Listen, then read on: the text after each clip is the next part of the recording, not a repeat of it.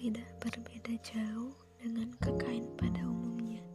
Terdapat ragam program yang dapat kita ambil untuk mengabdikan diri kepada masyarakat, mulai dari program edukasi maupun menyesuaikan dengan kebutuhan masyarakat sekitar.